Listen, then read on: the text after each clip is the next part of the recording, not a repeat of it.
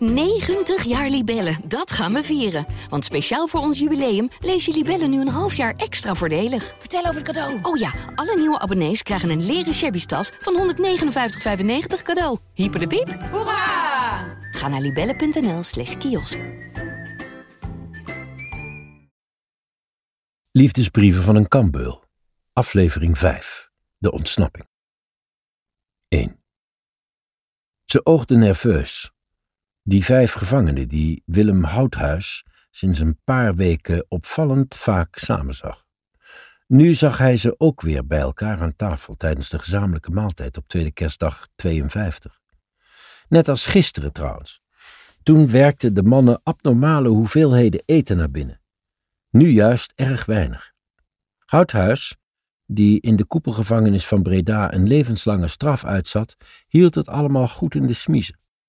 Hij vond het verdacht, zou hij later tegen de politie zeggen, zeker omdat hij een van de vijf, met wie hij nogal bevriend was, een dag of wat eerder had betrapt toen hij zijn cel aan het opruimen was. Gaat de reis beginnen? had Houthuis gevraagd aan Antoine Tousseul, een kleine man met een hoog voorhoofd en donkerbruine ogen. Maar Tousseul had ontkend dat hij iets van plan was. Het was slechts de kerstopruiming geweest. Nu nam de voorzitter van de ontspanningsclub het woord. Wat hij zei blijkt niet uit de politiestukken, maar het ligt voor de hand dat hij de film introduceerde die de gevangenen straks zouden gaan zien. Der Himmel auf Erde, een Duitse komedie uit 35. De voorzitter vertelde ook dat de voorstelling langer zou duren dan andere jaren. Volgens Houthuis knikten twee van de vijf mannen elkaar bij die mededeling goedkeurend toe. Na het eten schokten de gevangenen van de recreatieruimte naar hun cel om een stoel te halen. Die mochten ze op het vlak plaatsen, zoals de centrale vloer midden in de kolossale koepel genoemd werd, of op een van de ringen waaraan de cellen gelegen waren. Houthuis, stoel onder de arm, liep Tousseul tegen het lijf. Ik kom wat later, zou hij gezegd hebben. Ik heb nog het een en ander te doen. Kort daarna zag Houthuis hoe de vijf mannen de gang naar het ketelhuis inslopen, daarbij gevolgd door twee andere gedetineerden die hij niet eerder bij het groepje had gezien. Toen begreep ik dat die personen wilden trachten via het ketelhuis naar buiten te komen en op die manier wilden ontvluchten, zei hij later tegen de politie. Zodra de lichten op het vlak gedoofd waren en het filmapparaat zachtjes zoomde, stapte de vijftigjarige houthuis naar de dichtstbijzijnde bewaker met de smoes dat hij moest plassen. Op weg naar de waterplaats vertelde Houthuis hem dat hij dacht dat zeven personen de muur over wilden. Daarop rende de bewaker weg, om zijn collega's te alarmeren. Houthuis, die tijdens de oorlog ook al talloze Joden verraden had, keerde terug naar zijn stoel. De film draaide nog. 2. De betonplaten van de autobaan bonken in een rustgevend ritme onder ons door. Foucault en ik glijden door Duitsland. We maken een reis die we nooit hadden gemaakt als die ontsnapping mislukt was. Een van de zeven voortvluchtigen was immers zijn vader. Foucault had Willem van der Neut een paar weken voor zijn ontsnapping nog bezocht, samen met zijn moeder. Zeven jaar oud was hij toen. Het was de laatste keer dat ze elkaar zagen, spraken, dat hij überhaupt een teken van leven van hem ontving. Niets weet hij over de dertig jaar die Van der Neut nog in Duitsland heeft gewoond. En daar hopen we met deze reis verandering in te brengen. Eén ding snap ik nog niet helemaal. Want waarom stapte Fokko al die jaren nooit in de auto? Waarom was hij nooit over deze betonplaten naar Oelsla gereden, waar zijn vader na zijn vlucht woonde? Vanuit Scherpenzeel, waar Fokko lang woonde, reed je er in vier uur naartoe. Ik had nooit de ambitie hem op te zoeken, zegt hij in de auto. Ik heb het er wel eens met mijn vrouw over gehad. Die was er ook geen voorstander van. Waarom niet, vraag ik. Tja, waarom niet? Ik kan er eigenlijk geen antwoord op geven. Ik heb het gewoon laten rusten. Je wilde hem niet als vader terug? Toen ik zeven was, heb ik hem voor het laatst gezien.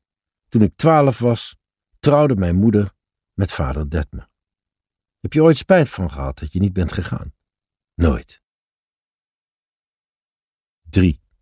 Nadat een bewaker hem had geïnformeerd over een mogelijke ontsnappingspoging, spoedde directeur Barnum Bailey Broekaart zich vanuit de aanpalende dienstwoning naar de gevangenis. Broekaart, vernoemd naar de eigenaren Barnum en Bailey van het circus dat op de dag van zijn geboorte Breda aandeed, arriveerde volgens het procesverbaal van de politie om zeven minuten over half acht. Ze zullen hem even bijgepraat hebben, waarna de directeur hoogstpersoonlijk polshoogte ging nemen op de binnenplaats, waar de adjunct-directeur ook al met een paar bewakers rondsnuffelde. Door niemand van ons werd iets geconstateerd dat positief op een ontvluchting van gedetineerden wees, zei Broekhaart later tegen de politie. Toch waren ze er niet gerust op. Rond half negen besloot de gevangenisdirectie de film te pauzeren, zodat ze de aanwezigen onopvallend konden tellen. Dat bleek nog niet eenvoudig, omdat de gedetineerden verspreid zaten over het vlak, de ringen en de cellen. Een enkeling benutte de pauze om naar het toilet te gaan. Toen er inderdaad gevangenen leken te ontbreken, verzon Broekaart een list. Uit het voedselmagazijn haalde hij vier tonnetjes met elk vijftig sigaretten. Vervolgens vertelde hij de gevangenen dat aan ieder een versnapering zou worden uitgedeeld. De bewakers overhandigden vervolgens aan iedere gedetineerde exact één sigaret, waarna ze telden hoeveel rookwaar in de blikken was overgebleven. De onthutsende conclusie: zeven man ontbraken. Ik stel me voor dat de zweetplekken onder de oksels van de directeur toen substantiële vormen aannamen. Was zijn gevangenis, waar de zwaarste oorlogsmisdadigers van het land opgesloten zaten, dan toch niet zo goed beveiligd als hij dacht? Broekaert stuurde de gevangenen met de meest mogelijke tak terug naar hun cel. Vervolgens heb ik de sectiebewakers de nummers van de leeggebleven cellen doen nagaan, vertelde hij de politie. Uit zijn administratie bleek vervolgens dat de gedetineerden van der Neut, Polak, Faber, Bikker, Tousseul, De Jonge en Borgers afwezig waren. Het is niet uit te sluiten dat hij een paar keer flink vloekte. 4. Nog voordat ik met Fokko naar Duitsland ga, bezoek ik het stadsarchief in Breda. Daar liggen twee roze mappen voor me klaar, vol prachtig materiaal van de politie. Ik vind glimmende zwart-wit foto's van trappen en luiken, van een provisorische ladder, van vluchtauto's, portretten van mannen met getergde koppen en een uitklapbare plattegrond van de koepelgevangenis. Maar het mooiste van alles, getypte A4'tjes met getuigenverklaringen in stijf politiejargon, waarmee ik de wonderbaarlijke ontsnapping van Willem van der Neut en zijn maten tot in detail kan reconstrueren. Nadat ik alles gefotografeerd heb, wandel ik naar de gevangenis, die tegenwoordig dienst doet als evenementenlocatie. De koepel glanst in de winterzon.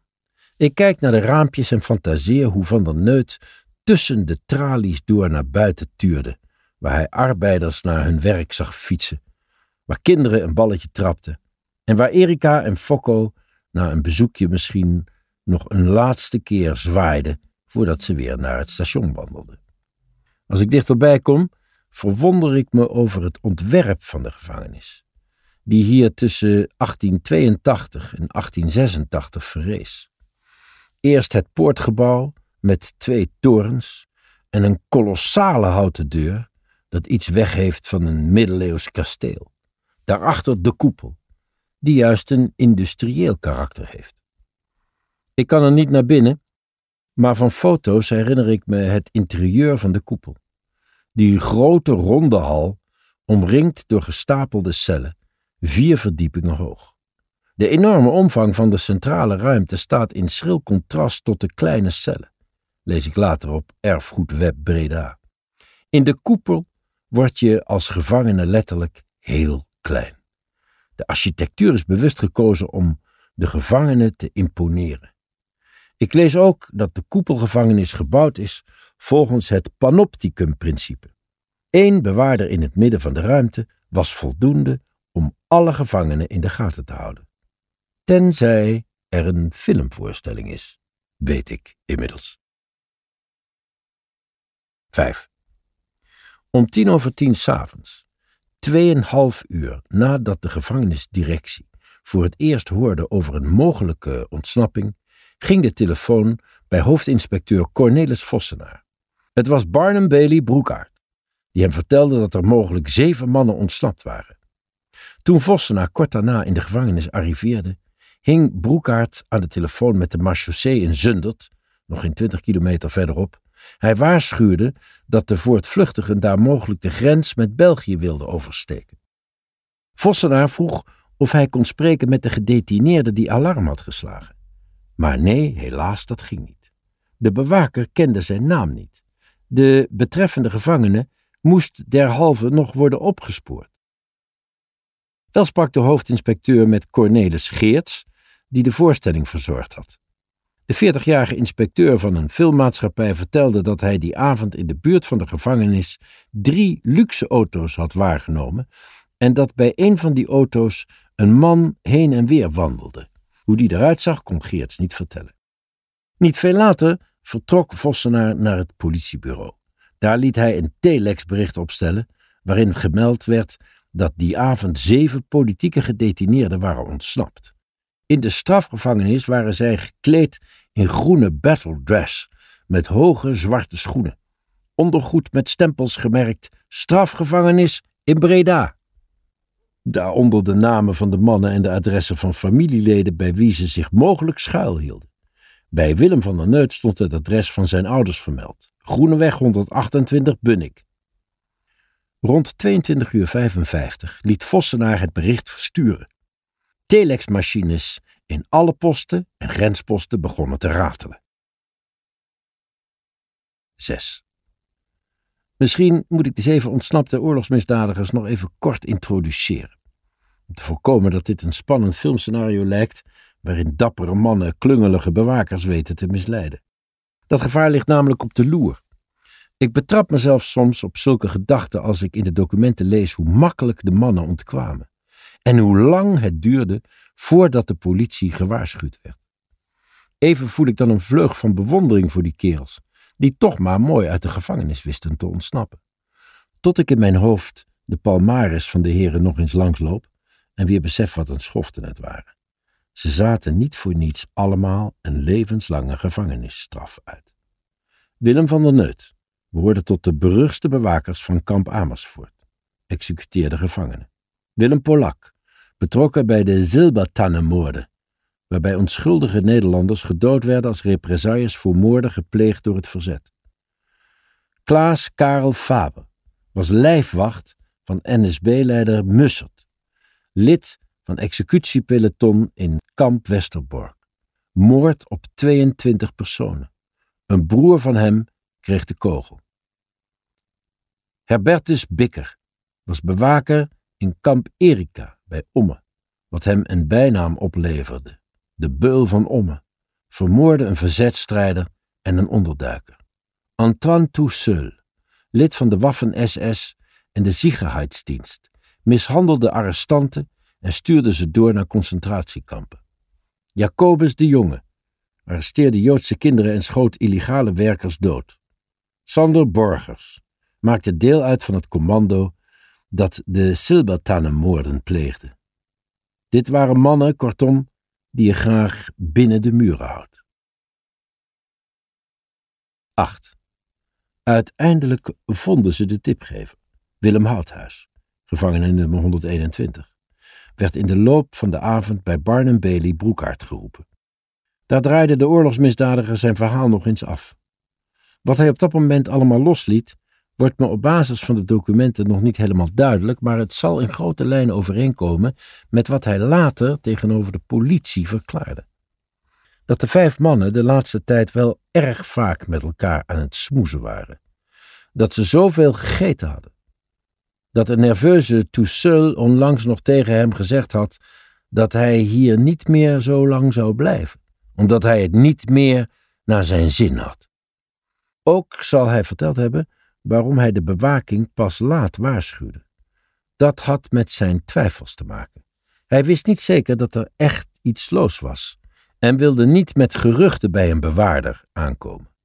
Bovendien vreesde hij dat andere gevangenen zouden zien dat hij de bewaking informeerde over de vlucht. Hij vreesde dat hij dan geen leven meer zou hebben. Alle anderen zouden hem vanwege het verraad genegeerd hebben.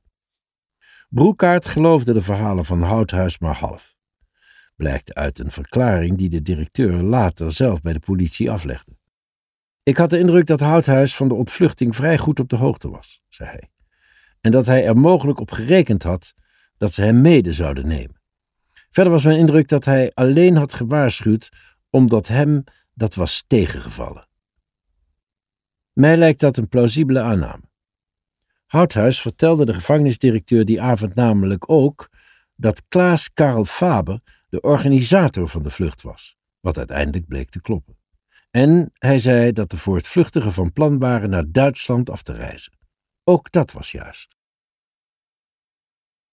9. Het was geen opwelling geweest. Dat vertelde Willem van der Neut in 66 in het tv-programma Brandpunt, dat hem opspoorde in Oeslaar.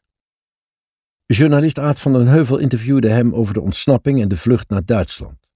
Ik bekeek de opname voor het eerst bij Fokko thuis, enige tijd voordat we op reis zouden gaan. Ja, we hebben met een paar man daar gezegd tegen elkaar, met drie man, dat we willen niet ons hele leven in de gevangenis zitten blijven, zei Van der Neut in de uitzending. Hij was toen 47 jaar oud.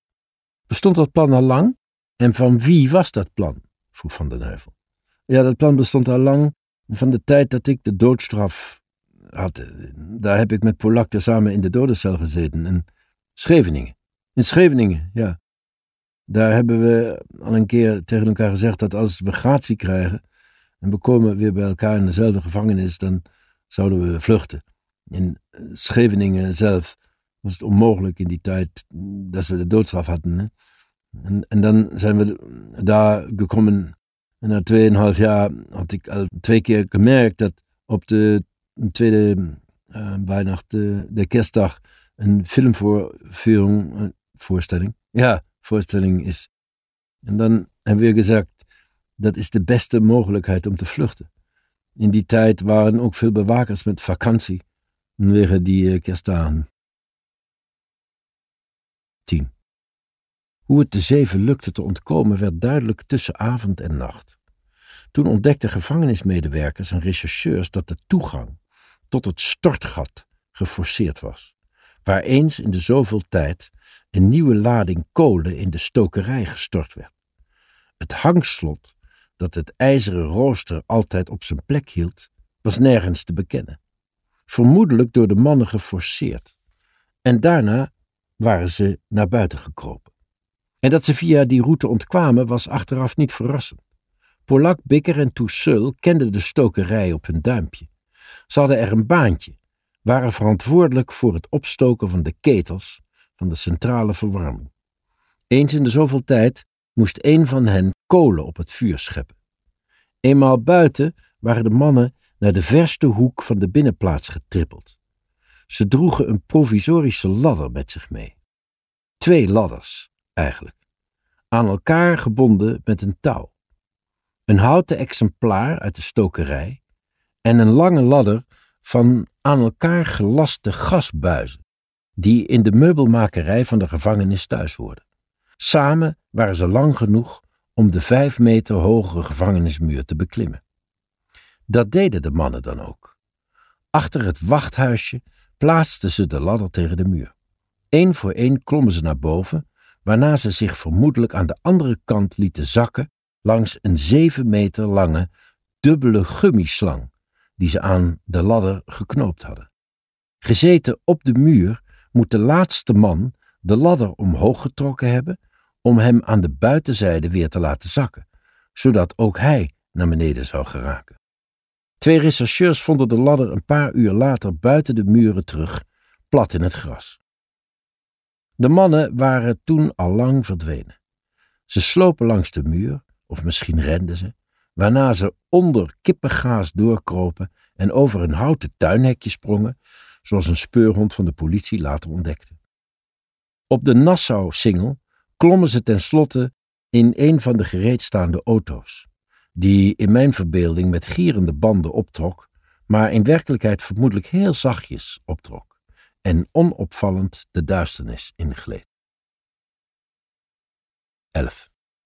Voor de zaterdagkranten kwam het nieuws van de ontsnapping te laat, maar maandag pakten ze er allemaal mee uit.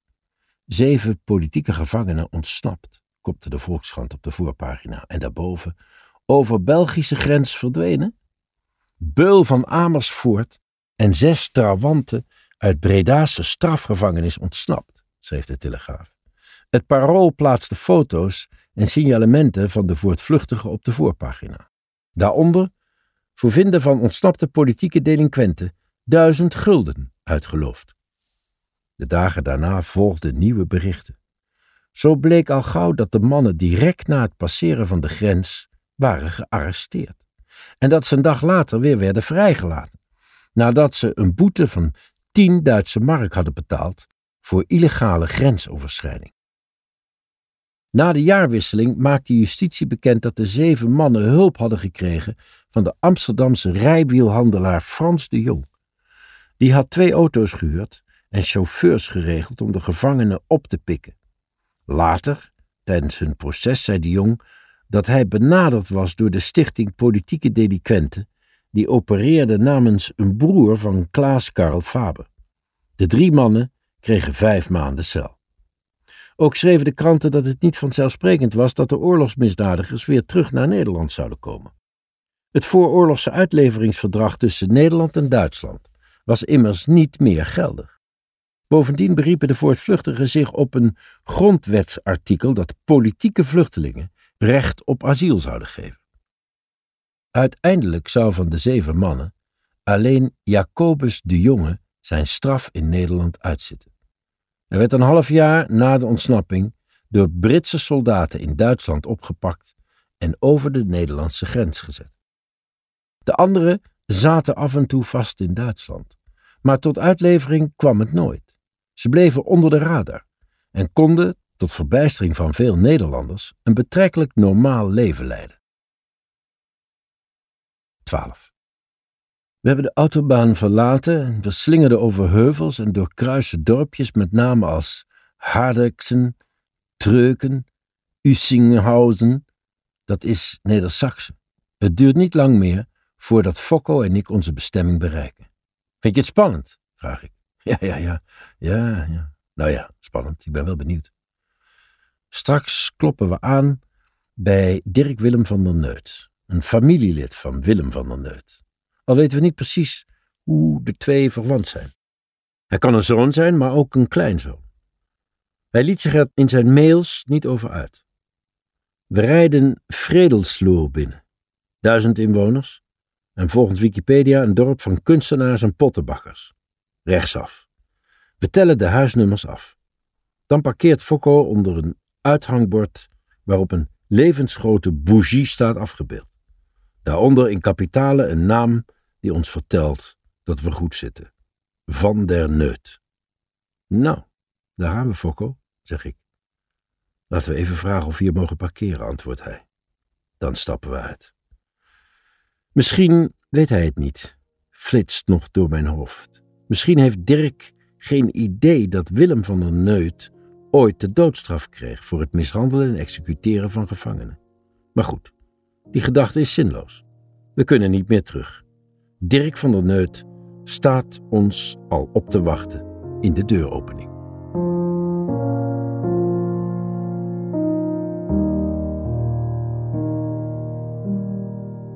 Wat voor leven leidde Willem van der Neut in West-Duitsland, nadat hij was ontsnapt?